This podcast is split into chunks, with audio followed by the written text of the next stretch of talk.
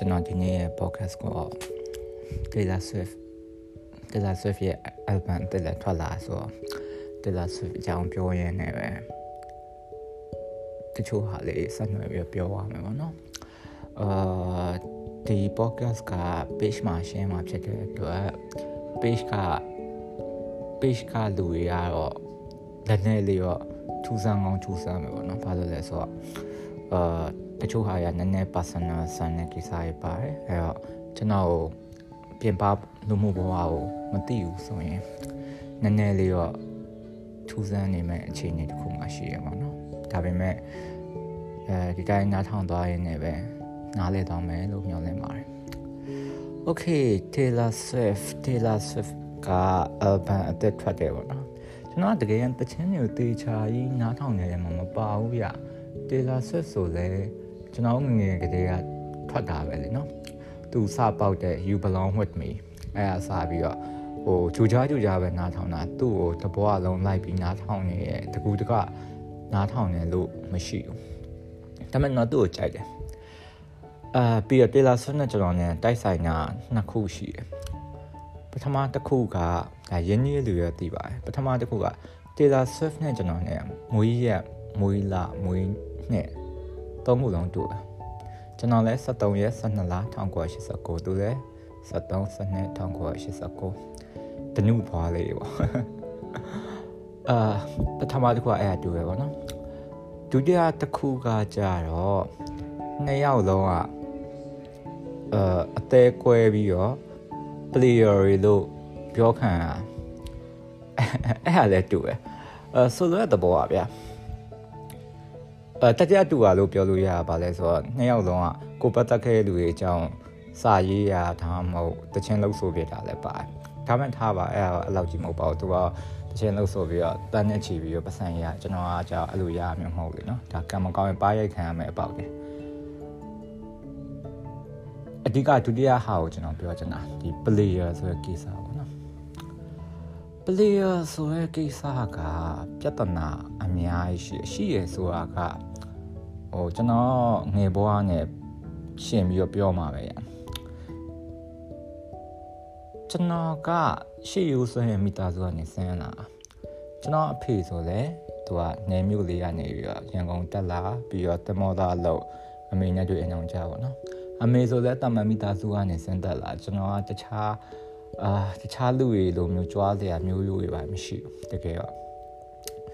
တမန်မိသားစုပဲ very normal very average အဲ့တော့ကျွန်တော်ငယ်ဘွားဆိုတာလဲဟိုပြဿနာလေးရရှိရပါဗျာဒါမှထားပါကျွန်တော်ငယ်ငယ်ကနေအခုချိန်ထိကျွန်တော်အဖေနဲ့အမေရန်ဖြစ်တာကျွန်တော်ဘယ်နှခါမြင်မှုလဲပြောရရင်တစ်ခါပဲမြင်မှုဖေးစုမှုကျဖြစ်တစ်ခါဒါအောင်ကျွန်တော်ရှိမှာမဟုတ်အာပြီးတော့ကိုကြည့်လက်ရောက်လည်းမဟုတ်အဖေကတသက်လုံး အမေကိုကိုကြည့်လက်ရောက်ဘာမှမလုပ်ခဲ့ဘူးဒီတိုင်းပဲစကားများကြတာပေါ့နော်ဒီပွဲတပွဲသွားမင်္ဂလာဆောင်သွားရဲ့အရက်မူပြီးတော့အဖေကနည်းနည်းဟိုမြို့သိပ်ထားတဲ့လိုမျိုးဆိုတော့ပောက်ကွဲအမေကအဲ့အော်ဒေါ်လာထွက်တယ်ပြီးလဲပြီးတော့အိမ်မောဆင်းသွားဒါပေမဲ့တိတ်မကြပါဘူးတပတ်လောက်နေတော့ပြန်ပြီးတော့သူကအဆင်ပြေကြရပါတော့နော်အဲ့ဟာပြီးကြတဲ့ကမိဘနှစ်ပါးလုံးဝရံမဖြစ်တော့ဗျာအဲ့ဒါကျွန်တော်တသက်လုံးမှာကျွန်တော်အသက်30ကျော်အထိပဲ ကန်ကြုံမိကျုံကိုင်းမိနေကြပါဗျာကျွန်တော်အဲ့လိုမိသားစုကနေလာတဲ့လူဖြစ်တဲ့အတွက်ကျွန်တော်တလင်တမယာစနစ်ကိုတကယ်ကျွန်တော်စိတ်ထဲမှာသဘောကျတယ်အဲ့လိုမျိုးလဲနေခြင်းစိတ်ရှိတယ်ဒါပေမဲ့ပြဿနာဒါပေမဲ့ပြဿနာမနေပြစ်လောက်မနေပြစ်လိုက်ဖို့ပေါ့နော်ဘဝပေးရဲ့ကံကြမ္မာအရာ တေလာဆွဲဖက်တဲ့ချင်းနဲ့နားထောင်ကြည့်ရဆိုရင်လည်းသိကြပါလိမ့်မယ်တေလာဆွဲကသူတွဲခဲ့တဲ့လူတွေကိုဘယ်လောက်ထိချစ်ခဲ့လဲတွေ့တာခဲ့လဲဆိုဥမာအော်တူဆွဲလိုမျိုးဟာမျိုးပြီးတော့တချို့ဟာပေါ့ထားပါအဲ့မှာဆိုသူဘယ်လောက်ခံစားခဲ့ရလဲဒီပြက်ဆဲမှုကနေပြီးကြော်သွားနိုင်မှုဘယ်လောက်ထိစူးစမ်းခဲ့ရလဲဆိုတာပါပဲကျွန်တော်ကြောက် Taylor Swift လောက် ကမကောင်းပြောရမယ်ကျွန်တော်နဲ့တွဲပြီးဖြတ်တဲ့လူတွေမှန်သမျှဟိုရင်နှီးရဲ့ဆက်ဆံရေးရှိကြတယ်တယောက်နဲ့တယောက်ဒေသတမှုအတိုင်းအတာတစ်ခုတည်းရှိကြတယ်တချို့လူတွေဆိုကျွန်တော်နဲ့အဆက်အသွယ်တွေပါရှိသေးတယ်ဒါပေမဲ့မုံဝါကြကြီးပဲအတိုင်းအတာတစ်ခုတည်းရောပြီးတော့ကျွန်တော်အနေနဲ့စိတ်ခံရရခဲ့တာကြီးပဲ အခုဆိုအခုစီမှာပြောအတိုးအပြစ်တင်တဲ့ဟာမျိုးမဟုတ်ဘူးဒါအကောင်လုံးကလည်းကျွန်တော်ရွေးချယ်မှုတစ်စိတ်တစ်ပိုင်းပါတဲ့အတွက်ကျွန်တော်တောင်းဝင်မကင်းဘူးကျွန်တော်အပြစ်မကင်းဘူးလို့သတ်မှတ်လို့ရတယ်ဒါပေမဲ့ပြောချင်တာကသူမှသာစိတ်ခံရအရာစိတ်နာကြည့်မှုတွေရမှာမဟုတ်ပါဘူးကျွန်တော်မှလည်းစိတ်ခံရရင်အများကြီးကြံခဲ့ရပါကျွန်တော်မှလည်းလက်ဟာမှုတွေအများကြီးနဲ့ကြံခဲ့ရပါ ရီးစရာပြောရရင်တနေ့တော့တယောက်နဲ့ပြောမိသေးတယ်ငါအဲ့ချိန်တော့ငါတိတ်စိတ်မှန်တာမဟုတ်ဘူးလို့ဟိုဒီတိုင်းပြပုံမှန်အလုံးလုံးနေတာတပိုင်းပေါ့ဟုတ်တယ်မလားဒါပေမဲ့ဟိုစိတ်ကပုံမှန်ချိန်နေမရှိဘူးဆိုတဲ့ဟာမျိုးခဏခဏပြောမိတယ်အဲ့လိုပြောပြီးတော့မှကိုယ့်ကိုပြန်စဉ်းစားမိတယ်ငါစိတ်မှန်တဲ့အချိန်ရောရှိရောရှိရလားတကယ်တွေးကြည့်ရ2015အကုန်ကလေးကကျွန်တော်မှစိတ်ကပုံမှန်မဖြစ်လိုက်တာ 2020 20အကုန်ထိပဲပြောရမှာဒီကုပကာလာအထိကျွန်တော်စိတ်ပုံမှန်ချင်းနေမရှိဘူးဗျအဲ့လိုစိတ်အတက်ကြရပါကြမ်းတယ်ဒါမဲ့ဟိုဒီတိုင်းမှာဒီတိုင်းမှာထိန်ချုံမှုတစ်ခုနဲ့ပဲနေနေတာတကယ်တော့စိတ်ကအစောရမ်းရောက်တယ်ကျွန်တော်စိတ်ကသိတာကွာကောထားပါအဲ့တော့ဒါရေးဗျာကျွန်တော်မှလည်းခံစားခဲ့ရတာပဲရှိရပဲ ဒါမဲ့ဘယ်သူမှကျွန်တော်လည်းအဖြစ်တော့မတင်ချင်ပါဘူးအာ Taylor Swift ဆိုရင်ကျွန်တော်ခံစားလို့ရတယ်အဲ့တိုင်းမှာသူ့ကိုလူရဲ့ player အနေနဲ့ပြောကြတယ်အာစားစော်ကြီးပေါ့နော်ဒါစကားလောက်အောင်လာပြောပါ player ဆိုစားစော်ကြီးပေါ့ကျွန်တော်ဆိုလဲ fuck boy ပြောတာပဲကျွန်တော်ကကို fuck boy လို့မထင်ဘူးဗျဟုတ်တယ်လိန်ဆက်ဆံခဲ့ပူတဲ့ main ကလေးရောများတယ်ဒါပေမဲ့ဟို လိန်ဆက်ဆံရပြီးရောဆိုပြီးတော့ဆက်ဆံခဲ့ရမျိုးမရှိဘူးကျွန်တော်ဒိတ်ခဲ့တွဲခဲ့တဲ့လူတွေမှန်သမျှကိုတခုခုတော့သဘောတကျရှိရပဲအေးအဲ့သဘောတကျရှိမှုကလည်းလိန်ဆက်ဆံပိုတီးတန်းတော့လုံးဝမဟုတ်ဘူးဗျာကျွန်တော်အဲ့တိုင်းပဲခံယူရပါဘောနော်အဲ့တော့ဟိုဒီ page နဲ့ပတ်သက်တဲ့ဟာကိုဆက်ပြောရရင်ဒီ Taylor Swift နဲ့ပတ်သက်တဲ့ဟာပြောရရင်ကျွန်တော် page ကြောင်းရောက်အောင် Taylor Swift ကိုကျွန်တော်ခံစားလို့ရတဲ့ဟာတချို့က तू ကမပြောပြချင်တော့ဘူးမပြောပြချင်တော့ဘူးဆိုတော့ငါဒါရီဖြစ်ခဲ့ပါရဲ့ဆိုပြီးရင်ဖွင့်ပြီးမပြောပြချင်တော့ဒီဟာကိုပဲစာသားတစ်ခုအနေနဲ့တချင်းတစ်ပုတ်အနေနဲ့ပဲလှုပ်လိုက်တဲ့သဘောပဲဗျာအဲ့လိုပဲကျွန်တော်မှလည်းစာရေးရေးရဲ့ဆိုတာမှန်သမျှသည်အဲ့အကြောင်းလည်းအများကြီးပါတယ်ကျွန်တော်ခံစားချက်က လူတယောက်ကိုပြောပြဖို့အထိမလွယ်တော့ဘူးကျွန်တော်အတွက်ပြီးတော့နောက်ပြဿနာတစ်ခုကဒါကျွန်တော်မြင်တဲ့ပြဿနာပါခဏခဏဆုံးရှုံးရပါများလာတော့လူကနာကျင်ရမယ့်ကိစ္စမနာကျင်မဲ့နဲ့ထုံသွားတာပြဿနာအဲ့ဒါဘယ်မှာသိတာလဲဆိုတော့ဥမာဗျာငယ်ဘဝတုန်းကဆိုရင်ကျွန်တော်ဆိုရင် အရန်အနှိမ်ခံရှိဥမာဘယ်လိုမျိုးလဲဆိုတော့ကျွန်တော်အရန်ပိန်တယ်အခုလည်းပိန်ပါတယ်ဒါပေမဲ့ငယ်တော့ပူရုပ်ဆိုပဲပူလည်းပိန်တယ်နောက်ဆုံးစာသင်ပေးဆရာဆရာမစာပိန်ညောင်ယူပါအဲ့လိုမျိုးကြီးစာတကယ်လို့ဗျာအဲ့အကြီးကဟိုနာတတ်ရမှာလေနော်နာရမှာလေနော်အဲ့ပြဿနာအဲ့အကြီးကတတမယိုးချဖြစ်စင်မှာပဲဘာမှလည်းမဟုတ်ပါဘူးဆိုပြီးတော့ကျွန်တော်မနာပဲနဲ့ဒီတိုင်းပဲထုံပေးပေးနဲ့ကျွန်တော်လက်ခံယူလိုက်တာ အဲ့ဒါကျွန်တော်ထင်တယ်လူတယောက်တည်နားမဲ့အချိန်မှာမနာပဲနဲ့ဒီတိုင်းပဲလက်ခံယူလိုက်တာများလာရင်အဲ့ဒါဒီဒဏ်ရာလည်းမဖြစ်လာလို့ပြန်လည်းမကောင်းတော့ဒီတိုင်းပဲလက်ဟာမူကြီးတစ်ခုအနေနဲ့ကြံခဲ့ရပဲလေနော် Taylor Swift ကိုကျွန်တော်ကဘာကိုစူးစမ်းယူနေကြရလဲဆိုတော့ကိုဘွားရဲ့ပျောက်ဆုံးခဲ့တဲ့အရာတွေကို တခုခုနဲ့ဖြည့်ဆည်းဖို့စူးစမ်းယူနေကြတချင်းစာကိုချစ်တဲ့လူအောင်မြင်မှုပတ်စံပစ္စည်းအစားရှိတဲ့ဟာတွေနဲ့ကျွန်တော်ကဖြည့်စီဖို့ကြိုးစားယူကြနောက်ပြဿနာတစ်ခုကကိုဆုံးရှုံးတဲ့အရာတွေကိုပြန်ရခဲ့ရင်တော့မှ ကျွန်တော်ဆုံးရှုံးခဲ့ရတဲ့အရာတွေမဟုတ်တော့ဘူးဗျာကျွန်တော်လိုချင်ခဲ့တဲ့ဆုံးရှုံးခဲ့ရတဲ့အရာတွေမဟုတ်တော့ဘဲနဲ့ဆုံးရှုံးပြီးသားကိစ္စတွေကိုပဲကျွန်တော်ကတဖန်ပြန်ပြီးလက်ခံယူလိုက်ရတဲ့သဘောမှရှိတယ်အဲ့ဒါဒီတကယ်ဘယ်လို့မှအဆင်မပြေဘူးအဲကျွန်တော်ပြောချင်တာဗျာကျွန်တော်မှအဲ့ပြဿနာရှိတယ်အဲ့ပြဿနာရှိရဲ့အတွက်ကျွန်တော်တို့ဒီကိုယ်စိတ်ကိုကုစားရဲ့အနေနဲ့ဖန်တီးမှုတစ်ခုလုပ်ကြအ ခု page မှာကျွန်တော်အခန်းဆက်နေနေရေးနေရဲ့စာရလဲအဲ့တဘောပဲဗျကျွန်တော်စိတ်ရတန်းရတယ်ပဲသူရထင်ကောင်းထင်မဲ့ဒါရဖတ်လို့လည်းမကောင်းဒါမှမဟုတ်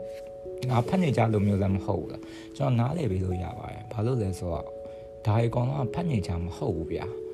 ပြီးတော့ဟိုလူမှုကွန်ရက်မှာဖတ်ရမယ့်ဟာမျိုးလည်းမဟုတ်ဘူးရှည်လုံးတယ် ပြီးတော့ဇက်အိမ်ကိုနောက်ကနေတိဆောက်ယူတာဖြစ်တဲ့အတွက်ဟိုတပိုင်းချင်းတွေဒီစိတ်ဝင်စားတဲ့ကောင်းတဲ့အချက်ကနည်းနည်းပဲပါမှာစိတ်ရှိလက်ရှိပြီးဖတ်ရပါလေပြီးတော့နောက်တစ်ခုကကျွန်တော်ကိုနိုင်လည်းအေးတာညံ့တာလည်းပါမှာပါအဲ့တော့ဒါကိုကျွန်တော်ဘာလို့ရေးလဲဆိုရင်ဒါဒီကျွန်တော်ရဲ့ဖန်တီးမှုတစ်ခုပဲကျွန်တော်အားစိုက်ထုတ်ရတဲ့အရာတစ်ခုပဲပြီးတော့ဒီထဲမှာပါတဲ့ဆက်ဆောင်တွေရောအဖြစ်ပြက်တွေရောက ကျွန်တော်ပေါ်မှာမခုတ်တရရောဖြစ်ခဲ့ဘူးအမှတ်တရရင်လည်းသွားပြီးပြန်ချိတ်နေရပဲဗျအတိအကျရောမဟုတ်ဘူးဗျာဒါပေမဲ့ပြန်ချိတ်ယူနေရမယ်ဆိုလိုရဲ့သဘောကအဲကျွန်တော်ဆက်ဆောင်နေမှာပါ MJ ဆိုတဲ့တယောက်ဆိုရင် MJ ဆိုတဲ့တယောက်ဆိုရင်အပြစ်မှတကယ်ရှိရယ်အဲ့ persona နဲ့ဒါပေမဲ့တကြီးဆရာမမဟုတ်ပါဗျာဒါပေမဲ့ အာနောက်ပိုင်းလူငယ်ထဲမှာနာမည်နည်းနည်းရှိပြီးတော့အာတဲဦးမဟုတ်เนาะလူငယ်ထဲမှာနာမည်နည်းနည်းရှိပြီးတော့နိုင်ငံတကာကိုလည်းထိုးဖောက်နိုင်တဲ့တယောက်ရဲ့တငယ်ချင်းသူလည်းကျွန်တော် podcast ကိုနားထောင်တယ်သူကျွန်တော်ဒါပြောလိုက်ရင်သူ့ကိုညညမှသူသိမှာပါသူ့ persona နှောမှုပဲပေါ့နော် MJ ကဒါမဲ့ပကြီးဆရာမမဟုတ်ဘူး တိုးတော့နိုင်ငံသားမှာပဲကြောင်းတက်လာသူနဲ့ကျွန်တော်နဲ့တော်တော်ခင်းနေတယ်မှာပါလူတွေကအဲကျွန်တော်ညောက်ကြိုက်နေထိနေချင်တာဒါမဲ့မဟုတ်ပါဘူး spoiler spoiler alert ပြောရ alert ပြောရရဲ့အဲ့ကျောက်ကယောက်ျားယူသွားတယ်ဒါမဲ့ good for her သူကကောင်းတယ်ဘာလို့လဲဆိုတော့သူနဲ့ကျွန်တော်နဲ့စခင်တဲ့အချိန်မှာ ကျွန်တော်စကားရေးပါထိုင်ပြောကြရပါတော့ဟိုကျွန်တော်မှတ်မှတ်ရဖြစ်နေတဲ့တခုက7 time ပါမှာကျွန်တော်နဲ့သူနဲ့စကားရေးထိုင်ပြောရပါတော့ထိုင်ပြောနေတဲ့အချိန်မှာကျွန်တော်ကျွန်တော်တို့ကဘာပြောလဲဆိုတော့သူ့မှာတတ်သိခြင်းစိတ်ရှိတယ်အဲအင်္ဂလိပ်လိုပဲပြောနေတာ suicide tendency ပေါ့နော်တေခြင်းတရားကိုတွေ့တာအကွက်ကိုတတ်သိမှုတွေ့တာမှုရှိတယ်ပေါ့နော် ဆိုလိုရဲ့အတိတ်ပဲကကျွန်တော်ကတတ်တေရာကိုဟိုတော့ဟိုယောမနိကလုံနေတာမဟုတ်ဘူးတို့တော့ကျွန်တော်မှတတ်တေခြင်းစိတ်ရှိရယ်မတတ်တေရာပဲရှိရတတ်တေခြင်းစိတ်ရှိရယ်ကျွန်တော်မှလည်း suicide tendency ရှိရအမြင်အဲ wave နဲ့လားတ wave တ wave တော့လို့လားနဲ့ဥမာမြက်ထားမြင်ကျွန်တော်ခုံချကြတယ်အမြင်ကနေအဲ့လို တရားတွေပါပေါ့ရောက်ရင်ကျွန်တော်တက်ပြီးတော့ခုံလိုက်ချင်တယ်ခုံချလိုက်ချင်တယ်ပေါ့အဲ့လိုအထက်မြက်နေပါဆိုလည်းအဲ့လိုပဲခုံချချင်တယ်ပြီးတော့ဓာတ်ပါမြင်ရင်လည်းအဲ့လိုလက်ကောက်ဝတ်တွေပါလှီးချင်တယ်အဲ့ suicide tendency ရှိအသေးချင်းကြောက်တွေ့တာမှုရှိရပေါ့နော်သူ့မှာလည်းရှိရဗျာအဲ့တော့သူကျွန်တော်ပြောပြဦးပါအဲအဲ့ချိန်ကတော့သူဥရောပမှာ master ရယူပြီးခါစားထင်တာပဲဒီပြန်ရောက်နေချိန်မှာသူအဲ့လိုစိတ်ရှိရတော့ပြောပြအချိန်မှာကျွန်တော်လည်း ဟုတ်တယ်ငါလည်းအဲ့လိုစိတ်ရှိရဲလို့ပဲပြောလိုက်တယ်အမေသူလည်းမလုပ်ဖြစ်လို့တော့လည်းမလုပ်ဖြစ်ပါဘူးဆိုတော့ဒီပဲသူနဲ့ကျွန်တော်နဲ့ဟိုတချို့ကိစ္စတွေမှာကျွန်တော်တယောက်ဟိုတန်ရောစင်လေးရှိကြရပါတော့သူဆိုလည်းကျွန်တော် podcast ညထောင်ပါကျွန်တော်နာမည်ရောမပြောတော့ဘူးဒါပေမဲ့ဘယ်သူမှသူ့ကိုသူသိမှာအဲ့ဆိုတော့ဒီပဲဒီ character တွေဒီဆက်ဆောင်နေသည်ကျွန်တော်ပတ်ဝန်းကျင်မှာရှိတဲ့လူတွေရဲ့ ကိုယ်ရည်ကိုယ်သွေးရပြန်ပြီးနှွှမ်းမှုပဲဗျာအဲ့လွှမ်းမိုးမှုရဲ့နောက်မှာကျွန်တော်ကဇက်အိမ်တစ်ခုကိုတိဆောက်တာဒီတိဆောက်တဲ့အချိန်မှာဇက်ကရှေ့မှထင်ပါတယ်ကျွန်တော်ထင်တာ20ကျော်အပိုင်း20ကျော်နဲ့30ကျော်ရှိမယ်ဒါပေမဲ့ပြဿနာကဇက်အိမ်ကကျွန်တော်မှရှိပြီးသားဇက်ကြောင်လည်းကျွန်တော်မှရှိပြီးသားအဲ့ဒါကိုအလင်းမီအောင်မရင်းနိုင်တဲ့ပြဿနာမှရှိရဘာလို့လဲဆိုတော့တပုတ်တပုတ်ကိုဗျာစာလုံးရင်3000 ကြော်ရေးရဗျာကျွန်တော်လည်းနေ့တိုင်းကြီးမရေးနိုင်ဘူးအခုဆိုရင်ကျွန်တော်ထင်တယ်ကျွန်တော်အပိုင်း၈ကိုမပြီးသေးဘူးမနေ့ကအာမနေ့ကကျွန်တော်တင်တာအပိုင်း6ကျွန်တော်နှစ်ပိုင်းကြိုကြိုရေးရတယ်အပိုင်း၈ကိုအမှန်ဆိုရင်မနေ့ကပြီးရမှာမပြီးသေးဘူးမနေ့ဖြန်လောက်မှပြီးမယ်ထင်တယ်အဲ့လိုသာတကယ်ဖြစ်သွားရင်အပိုင်း9စီအပိုင်း9တင်တဲ့အချိန်မှာမပြီးဘူးဆိုရင် ကျွန်တော်ရှစ်ပိုင်းတင်ပြီးသွားရင်ကျွန်တော်တစ်ပတ်လောက် break ယူဖို့များတယ်အဲ့တော့အဲ့ဒါလည်းကြိုးပြောပြရတာပေါ့နော်အခုထွက်တဲ့ Taylor Swift album ဆိုရင်ကျွန်တော် anti hero တော်တော်ကြိုက်တယ်တော်တော်ကြိုက်တယ်မှာပါ related လုပ်လို့ရချို့လူရပြောတယ်မှာသမီးကြီးပါညာကျွန်တော်သမီးကြီးပါညာဆို feeling မရပါဘူးဒါပေမဲ့တော်တော် related လုပ်လို့ရ ဘာလို့လဲကျွန်တော်ပြောနေကြစကားလို့ပဲဆုံးရှုံးရမှာများလာရင်လူရဲ့ဆုံးရှုံးမှုကိုထုံသွားထုံသွားခြင်းကြကိုဆုံးရှုံးရတဲ့အရာတွေကနောက်တစ်ခုကိုနာမည်တစ်ခုအနေနဲ့ထပ်ရေးလိုက်ဖို့တိတ်ဝင်မလေးရောအဲ့လိုပဲလူရတယ်ကိုယ်ကိုဆွန့်လို့ဖို့ဝင်မလေးရောသူများကိုခွန့်တော့ကောင်းခွန့်တော့မယ်ကိုယ်ကိုခွန့်လို့ဖို့မဖြစ်နိုင်တော့ဘူးအဲ့လိုဖြစ်နေတော့ကိုင်မနေရခါကျတော့ပင်မနေဗျာ အဲ့တော့ကျွန်တော် podcast ရရှိလာပြီဆိုတော့ခြုံငုံတော့ခြုံငုံရမှာဘာ message မှမဖေးဘူးဒါပေမဲ့ခြုံငုံမိမယ်ထင်ပါတယ်ကျွန်တော်ဗာပြောချင်တယ်ဆိုတာလေအဲ့တော့ Taylor Swift ရဲ့ anti hero တခြင်းလေးနဲ့ပဲပိတ်လိုက်အောင်နော် God it's me hi and my problem is me at the time everybody agrees I'm steadily at the sun but never in the mirror It might be always started always rooting for the anti-hero အားလုံးကျေးဇူးများတင်ပါတယ်